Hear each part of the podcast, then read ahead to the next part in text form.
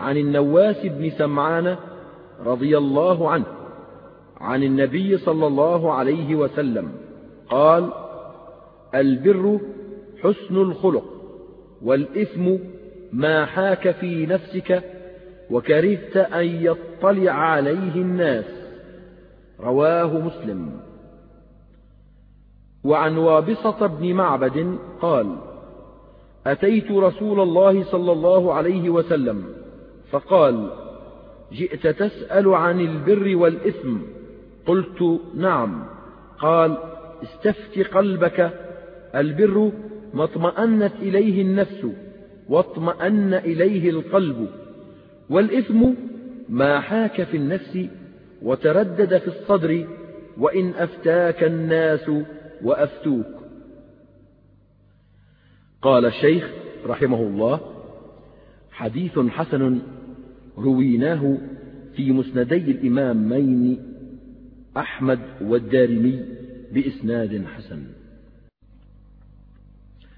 أما حديث النواس بن سمعان فخرجه مسلم من رواية معاوية بن صالح عن عبد الرحمن بن جبير بن نفير عن أبيه عن النواس. ومعاوية وعبد الرحمن وأبوه تفرد بتخريج حديثهم مسلم دون البخاري. وأما حديث وابصة فخرجه الإمام أحمد من طريق حماد بن سلمة عن الزبير بن عبد السلام عن أيوب بن عبد الله بن مكرز عن وابصة بن معبد. قال أتيت رسول الله صلى الله عليه وسلم وأنا أريد أن لا أدع شيئا من البر والإثم إلا سألت عنه. فقال لي أدن يا وابصة فدنوت منه حتى مست ركبتي ركبته. فقال يا وابصة أخبرك ما جئت تسأل عنه أو تسألني. قلت يا رسول الله أخبرني. قال جئت تسألني عن البر والإثم. قلت نعم. فجمع أصابعه الثلاث فجعل ينكت بها في صدري ويقول يا وابصة استفت نفسك. البر ما اطمأن إليه القلب واطمأنت إليه النفس. والإثم ما حاك في القلب وتردد في الصدر وإن أفتاك الناس وأفتوك. وفي رواية أخرى للإمام أحمد أن الزبير لم يسمعه من أيوب قال وحدثني جلساؤه وقد رأيته ففي إسناد هذا الحديث أمران يوجب كل منهما ضعفه. أحدهما انقطاعه بين الزبير وأيوب فإنه رواه عن قوم لم يسمعهم. والثاني ضعف الزبير هذا قال الدار قطني روى أحاديث مناكير وضعفه ابن حبان أيضا لكنه سماه أيوب ابن عبد السلام فأخطأ في اسمه وله طريق آخر عن وابصة خرجه الإمام أحمد أيضا من رواية معاوية بن صالح عن أبي عبد الله السلمي. قال سمعت وابصة فذكر الحديث مختصرا ولفظه قال البر من شرح له صدرك والإثم ما حاك في صدرك وإن أفتاك عنه الناس. والسلمي هذا قال علي بن المديني هو مجهول وخرجه البزار والطبراني وعندهما أبو عبد الله الأسدي وقال البزار لا نعلم أحدا سماه. كذا قال وقد سمي في بعض الروايات محمدا. قال عبد الغني بن سعيد الحافظ لو قال قائل إنه محمد بن سعيد المصلوب لما دفعت ذلك. والمصلوب هذا صلبه المنصور في الزندقة وهو مشهور بالكذب والوضع ولكنه لم يدرك وابصة والله أعلم. وقد روي هذا الحديث عن النبي صلى الله عليه وسلم من وجوه متعددة وبعض طرقه جيدة فخرجه الإمام أحمد وابن حبان في صحيحه من طريق يحيى بن أبي كثير عن زيد بن سلام عن جده ممطور عن أبي أمامة قال قال رجل يا رسول الله ما الإثم؟ قال إذا حاك في صدرك شيء فدعه. وهذا إسناد جيد على شرط مسلم فإنه خرج حديث يحيى بن أبي كثير عن زيد بن سلام وأثبت أحمد سماعه منه وإن أنكره ابن معين. وخرج الإمام أحمد من رواية عبد الله بن العلاء بن زبر سمعت مسلم بن مشكم قال سمعت أبا ثعلبة الخشني يقول قلت يا رسول الله أخبرني ما يحل لي وما يحرم علي. فقال البر ما سكنت إليه النفس. واطمأن إليه القلب والإثم ما لم تسكن إليه النفس ولم يطمئن إليه القلب وإن أفتاك المفتون. وهذا أيضا إسناد جيد وعبد الله بن العلاء بن زبر ثقة مشهور. وخرجه البخاري ومسلم بن مشكمة ثقة مشهور أيضا. وخرج الطبراني وغيره بإسناد ضعيف من حديث واثلة بن الأسقع قال قلت للنبي صلى الله عليه وسلم أفتني عن أمر لا أسأل عنه أحدا بعدك. قال استفت نفسك. قلت كيف لي بذاك؟ قال تدع ما يريبك إلى ما لا يريبك وإن أفتاك المفتون. قلت وكيف لي بذاك؟ قال تضع يدك على قلبك. فإن الفؤاد يسكن للحلال ولا يسكن للحرام. ويروى نحوه من حديث أبي هريرة بإسناد ضعيف أيضا. وروى ابن لهيعة عن يزيد بن أبي حبيب أن سويد بن قيس أخبره عن عبد الرحمن بن معاوية أن رجلا سأل النبي صلى الله عليه وسلم فقال يا رسول الله ما يحل لي مما يحرم علي؟ وردد عليه ثلاث مرار. كل ذلك يسكت النبي صلى الله عليه وسلم. ثم قال أين السائل؟ فقال أنا ذا يا رسول الله. فقال بأصابعه ما أنكر قلبك فدعه. خرجه أبو القاسم البغوي في معجمه وقال لا أدري عبد الرحمن بن معاوية سمع من النبي صلى الله عليه وسلم أم لا؟ ولا أعلم له غير هذا الحديث. قلت هو عبد الرحمن بن معاوية ابن حديج جاء منسوبا في كتاب الزهد لابن المبارك وعبد الرحمن هذا تابعي مشهور فحديثه مرسل. وقد صح عن ابن مسعود أنه قال الإثم حواز القلوب واحتج به الإمام أحمد ورواه عن جرير عن منصور عن محمد بن عبد الرحمن عن أبيه قال قال عبد الله إياكم وحزاز القلوب. وما حز في قلبك من شيء فدعه. وقال أبو الدرداء الخير في طمأنينة والشر في ريبة. وروي عن ابن مسعود من وجه منقطع أنه قيل له أرأيت شيئا يحيك في صدورنا؟ لا ندري أحلال هو أم حرام؟ فقال إياكم والحكاكات. فإنهن الإثم والحز والحك متقاربان في المعنى والمراد ما أثر في القلب ضيقا وحرجا ونفورا وكراهة. فهذه الأحاديث اشتملت على تفسير البر والإثم وبعضها في تفسير الحلال والحرام. فحديث النواس بن سمعان فسر النبي صلى الله عليه وسلم فيه البر بحسن الخلق وفسره في حديث وابصة وغيره بما اطمأن إليه القلب والنفس كما فسر الحلال بذلك في حديث أبي ثعلبة. وإنما اختلف تفسيره للبر لأن البر يطلق باعتبارين معينين. أحدهما باعتبار معاملة الخلق بالإحسان إليهم وربما خص بالإحسان إلى الوالدين فيقال بر الوالدين. ويطلق كثيرا على الإحسان إلى الخلق عموما. وقد صنف ابن المبارك كتابا سماه كتاب البر والصلة وكذلك في صحيح البخاري وجامع الترمذي. كتاب البر والصلة ويتضمن هذا الكتاب الإحسان إلى الخلق عموما.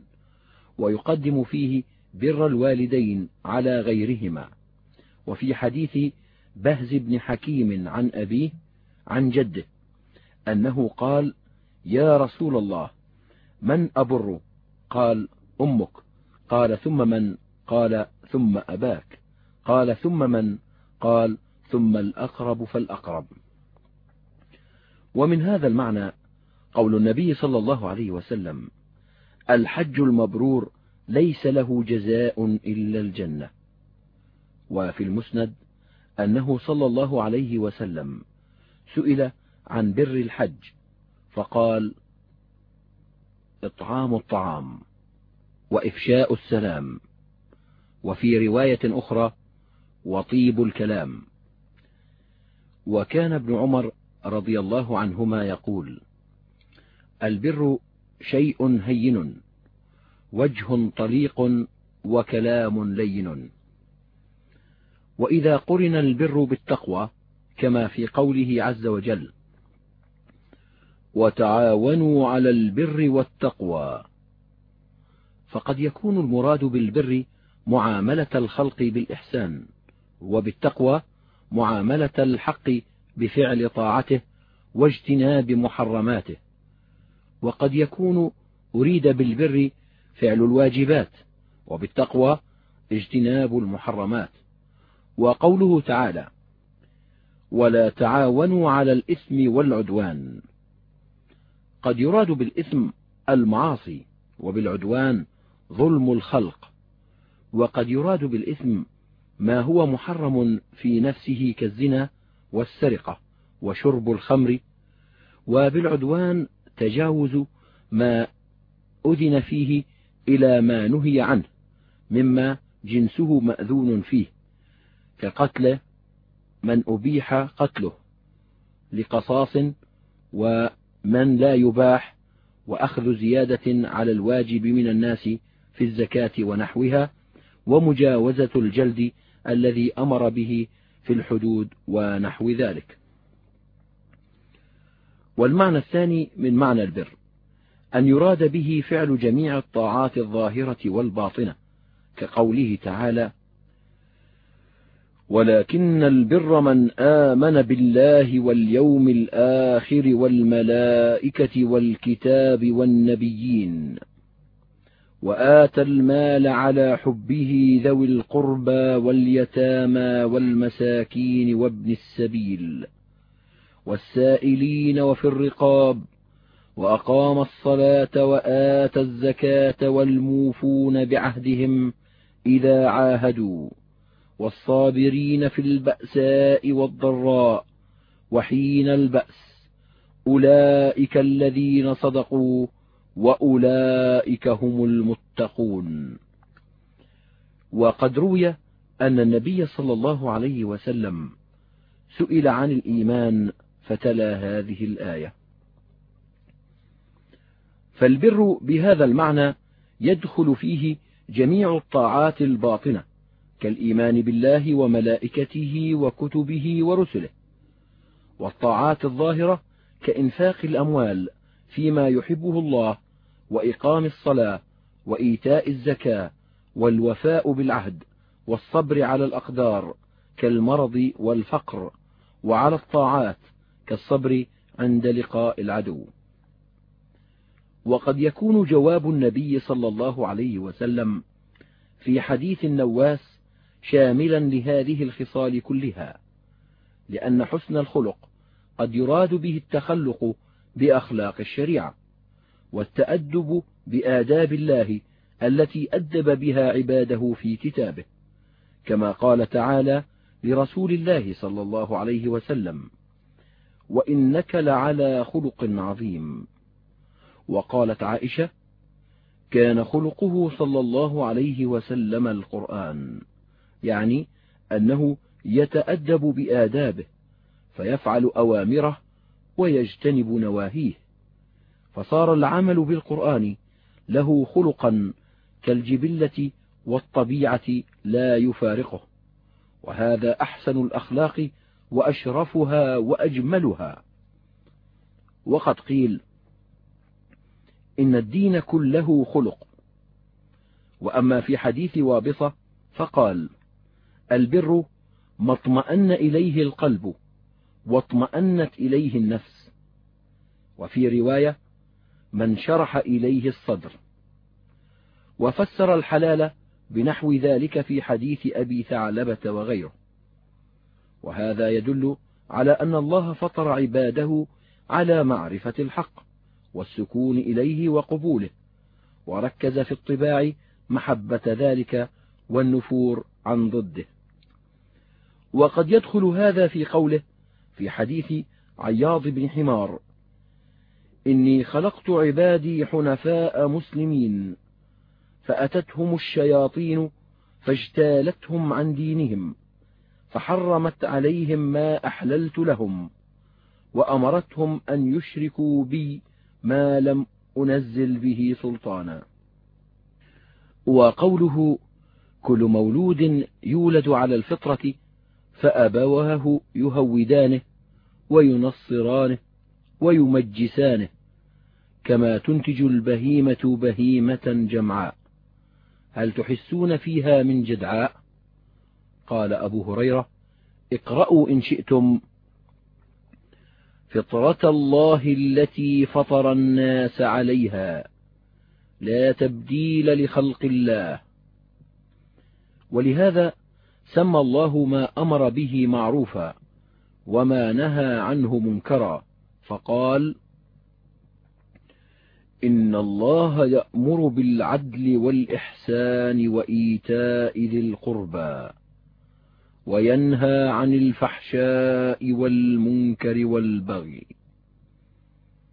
وقال في صفة الرسول صلى الله عليه وسلم ويحل لهم الطيبات ويحرم عليهم الخبائث. وأخبر أن قلوب المؤمنين تطمئن بذكره فالقلب الذي دخله نور الإيمان وانشرح به وانفسح يسكن للحق ويطمئن به ويقبله وينفر عن الباطل ويكرهه ولا يقبله. قال معاذ بن جبل أحذركم زيغة الحكيم فإن الشيطان قد يقول كلمة الضلالة على لسان الحكيم وقد يقول المنافق كلمة الحق فقيل لمعاذ ما يدريني أن الحكيم قد يقول كلمة الضلالة وأن المنافق يقول كلمة الحق. قال اجتنب من كلام الحكيم المشتهرات التي يقال ما هذه؟ ولا يثنيك ذلك عنه فإنه لعله أن يراجع. وتلقى الحق إذا سمعته فإن على الحق نورا. خرجه أبو داود وفي رواية له قال بل ما تشابه عليك من قول الحكيم حتى تقول ما أراد بهذه الكلمة. فهذا يدل على أن الحق والباطل لا يلتبس أمرهما على المؤمن البصير بل يعرف الحق بالنور الذي عليه فيقبله قلبه وينفر عن الباطل فينكره ولا يعرفه. ومن هذا المعنى قول النبي صلى الله عليه وسلم. سيكون في آخر الزمان قوم يحدثونكم بما لم تسمعوا أنتم ولا آباؤكم فإياكم وإياهم. يعني أنهم يأتون بما تستنكره قلوب المؤمنين ولا تعرفه وفي قوله أنتم ولا آباؤكم إشارة إلى أن ما استقرت معرفته عند المؤمنين مع تقادم العهد وتطاول الزمان فهو الحق وأن ما أحدث بعد ذلك مما يستنكر فلا خير فيه. فدل حديث وابصة وما في معناه على الرجوع إلى القلوب عند الاشتباه فما إليه سكن القلب وانشرح إليه الصدر فهو البر والحلال. وما كان خلاف ذلك فهو الإثم والحرام. وقوله في حديث النواس الإثم ما حاك في الصدر وكرهت أن يطلع عليه الناس إشارة إلى أن الإثم ما أثر في الصدر حرجا وضيقا وقلقا واضطرابا فلم ينشرح له الصدر ومع هذا؟ فهو عند الناس مستنكر بحيث ينكرونه عند اطلاعهم عليه. وهذا أعلى مراتب معرفة الإثم عند الاشتباه وهو ما استنكره الناس على فاعله وغير فاعله. ومن هذا المعنى قول ابن مسعود ما رآه المؤمنون حسنا فهو عند الله حسن وما رآه المؤمنون قبيحا فهو عند الله قبيح. وقوله في حديث وابصة وأبي ثعلبة وإن أفتاك المفتون يعني أن ما حاك في صدر الإنسان فهو إثم وإن أفتاه غيره بأنه ليس بإثم فهذه مرتبة ثانية وهو أن يكون الشيء مستنكرا عند فاعله دون غيره. وقد جعله أيضا إثما. وهذا إنما يكون إذا كان صاحبه ممن شرح صدره بالإيمان. وكان المفتي يفتي له بمجرد ظن أو ميل إلى هوى من غير دليل شرعي. فأما ما كان مع المفتي به دليل شرعي فالواجب على المستفتي الرجوع إليه وإن لم ينشرح له صدره وهذا كالرخص الشرعية مثل الفطر في السفر والمرض وقصر الصلاة في السفر ونحو ذلك مما لا ينشرح به صدور كثير من الجهال فهذا لا عبرة به. وقد كان النبي صلى الله عليه وسلم أحيانا يأمر أصحابه بما لا تنشرح به صدور بعضهم فيمتنعون من فعله فيغضب من ذلك. كما أمرهم بفسخ الحج إلى العمرة فكرهه من كرهه منهم وكما أمرهم بنحر هديهم والتحلل من عمرة الحديبية فكرهوه. وكرهوا مقاضته لقريش على أن يرجع من عامه. وعلى أن من أتاه منهم يرده إليهم. وفي الجملة فما ورد النص به فليس للمؤمن إلا طاعة الله ورسوله كما قال تعالى وما كان لمؤمن ولا مؤمنة إذا قضى الله ورسوله أمرا أن يكون لهم الخيرة من أمرهم. وينبغي أن يتلقى ذلك بانشراح الصدر والرضا. فإن ما شرعه الله ورسوله يجب الإيمان والرضا به والتسليم له كما قال تعالى فلا وربك لا يؤمنون حتى يحكموك فيما شجر بينهم ثم لا يجدوا في أنفسهم حرجا مما قضيت ويسلموا تسليما. وأما ما ليس فيه نص من الله ورسوله ولا عمن يقتدى بقوله من الصحابة وسلف الأمة.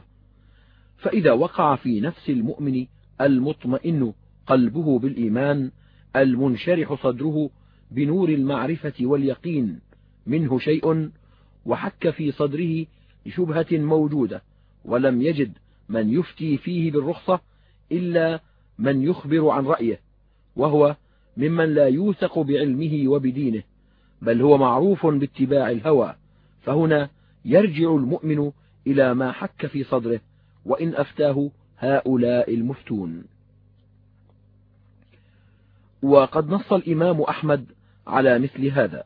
قال المروزي في كتاب الورع قلت لأبي عبد الله إن القطيعة أرفق بي من سائر الأسواق وقد وقع في قلبي من أمرها شيء. فقال أمرها أمر قذر متلوث. قلت فتكره العمل فيها. قال دع ذا عنك إن كان لا يقع في قلبك شيء. قلت قد وقع في قلبي منها. قال قال ابن مسعود الإثم حواز القلوب. قلت إنما هذا على المشاورة. قال أي شيء يقع في قلبك؟ قلت قد اضطرب علي قلبي. قال الإثم حواز القلوب.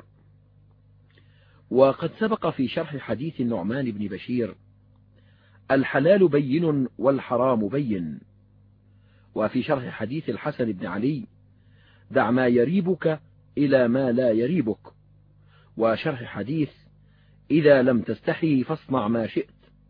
شيء يتعلق بتفسير هذه الأحاديث المذكورة ها هنا. وقد ذكر طوائف من فقهاء الشافعية والحنفية المتكلمين في أصول الفقه. مسألة الإلهام هل هو حجة أم لا؟ وذكروا فيه اختلافا بينهم. وذكر طائفة من أصحابنا أن الكشف ليس بطريق للأحكام. وأخذه القاضي أبو يعلى من كلام أحمد في ذم المتكلمين في الوساوس والخطرات. وخالفهم طائفة من أصحابنا في ذلك. وقد ذكرنا نص أحمد ها هنا بالرجوع إلى حواز القلوب وإنما ذم أحمد وغيره المتكلمين على الوساوس والخطرات من الصوفية حيث كان كلامهم في ذلك لا يستند إلى دليل شرعي بل إلى مجرد رأي وذوق كما كان ينكر الكلام في مسائل الحلال والحرام بمجرد الرأي من غير دليل شرعي.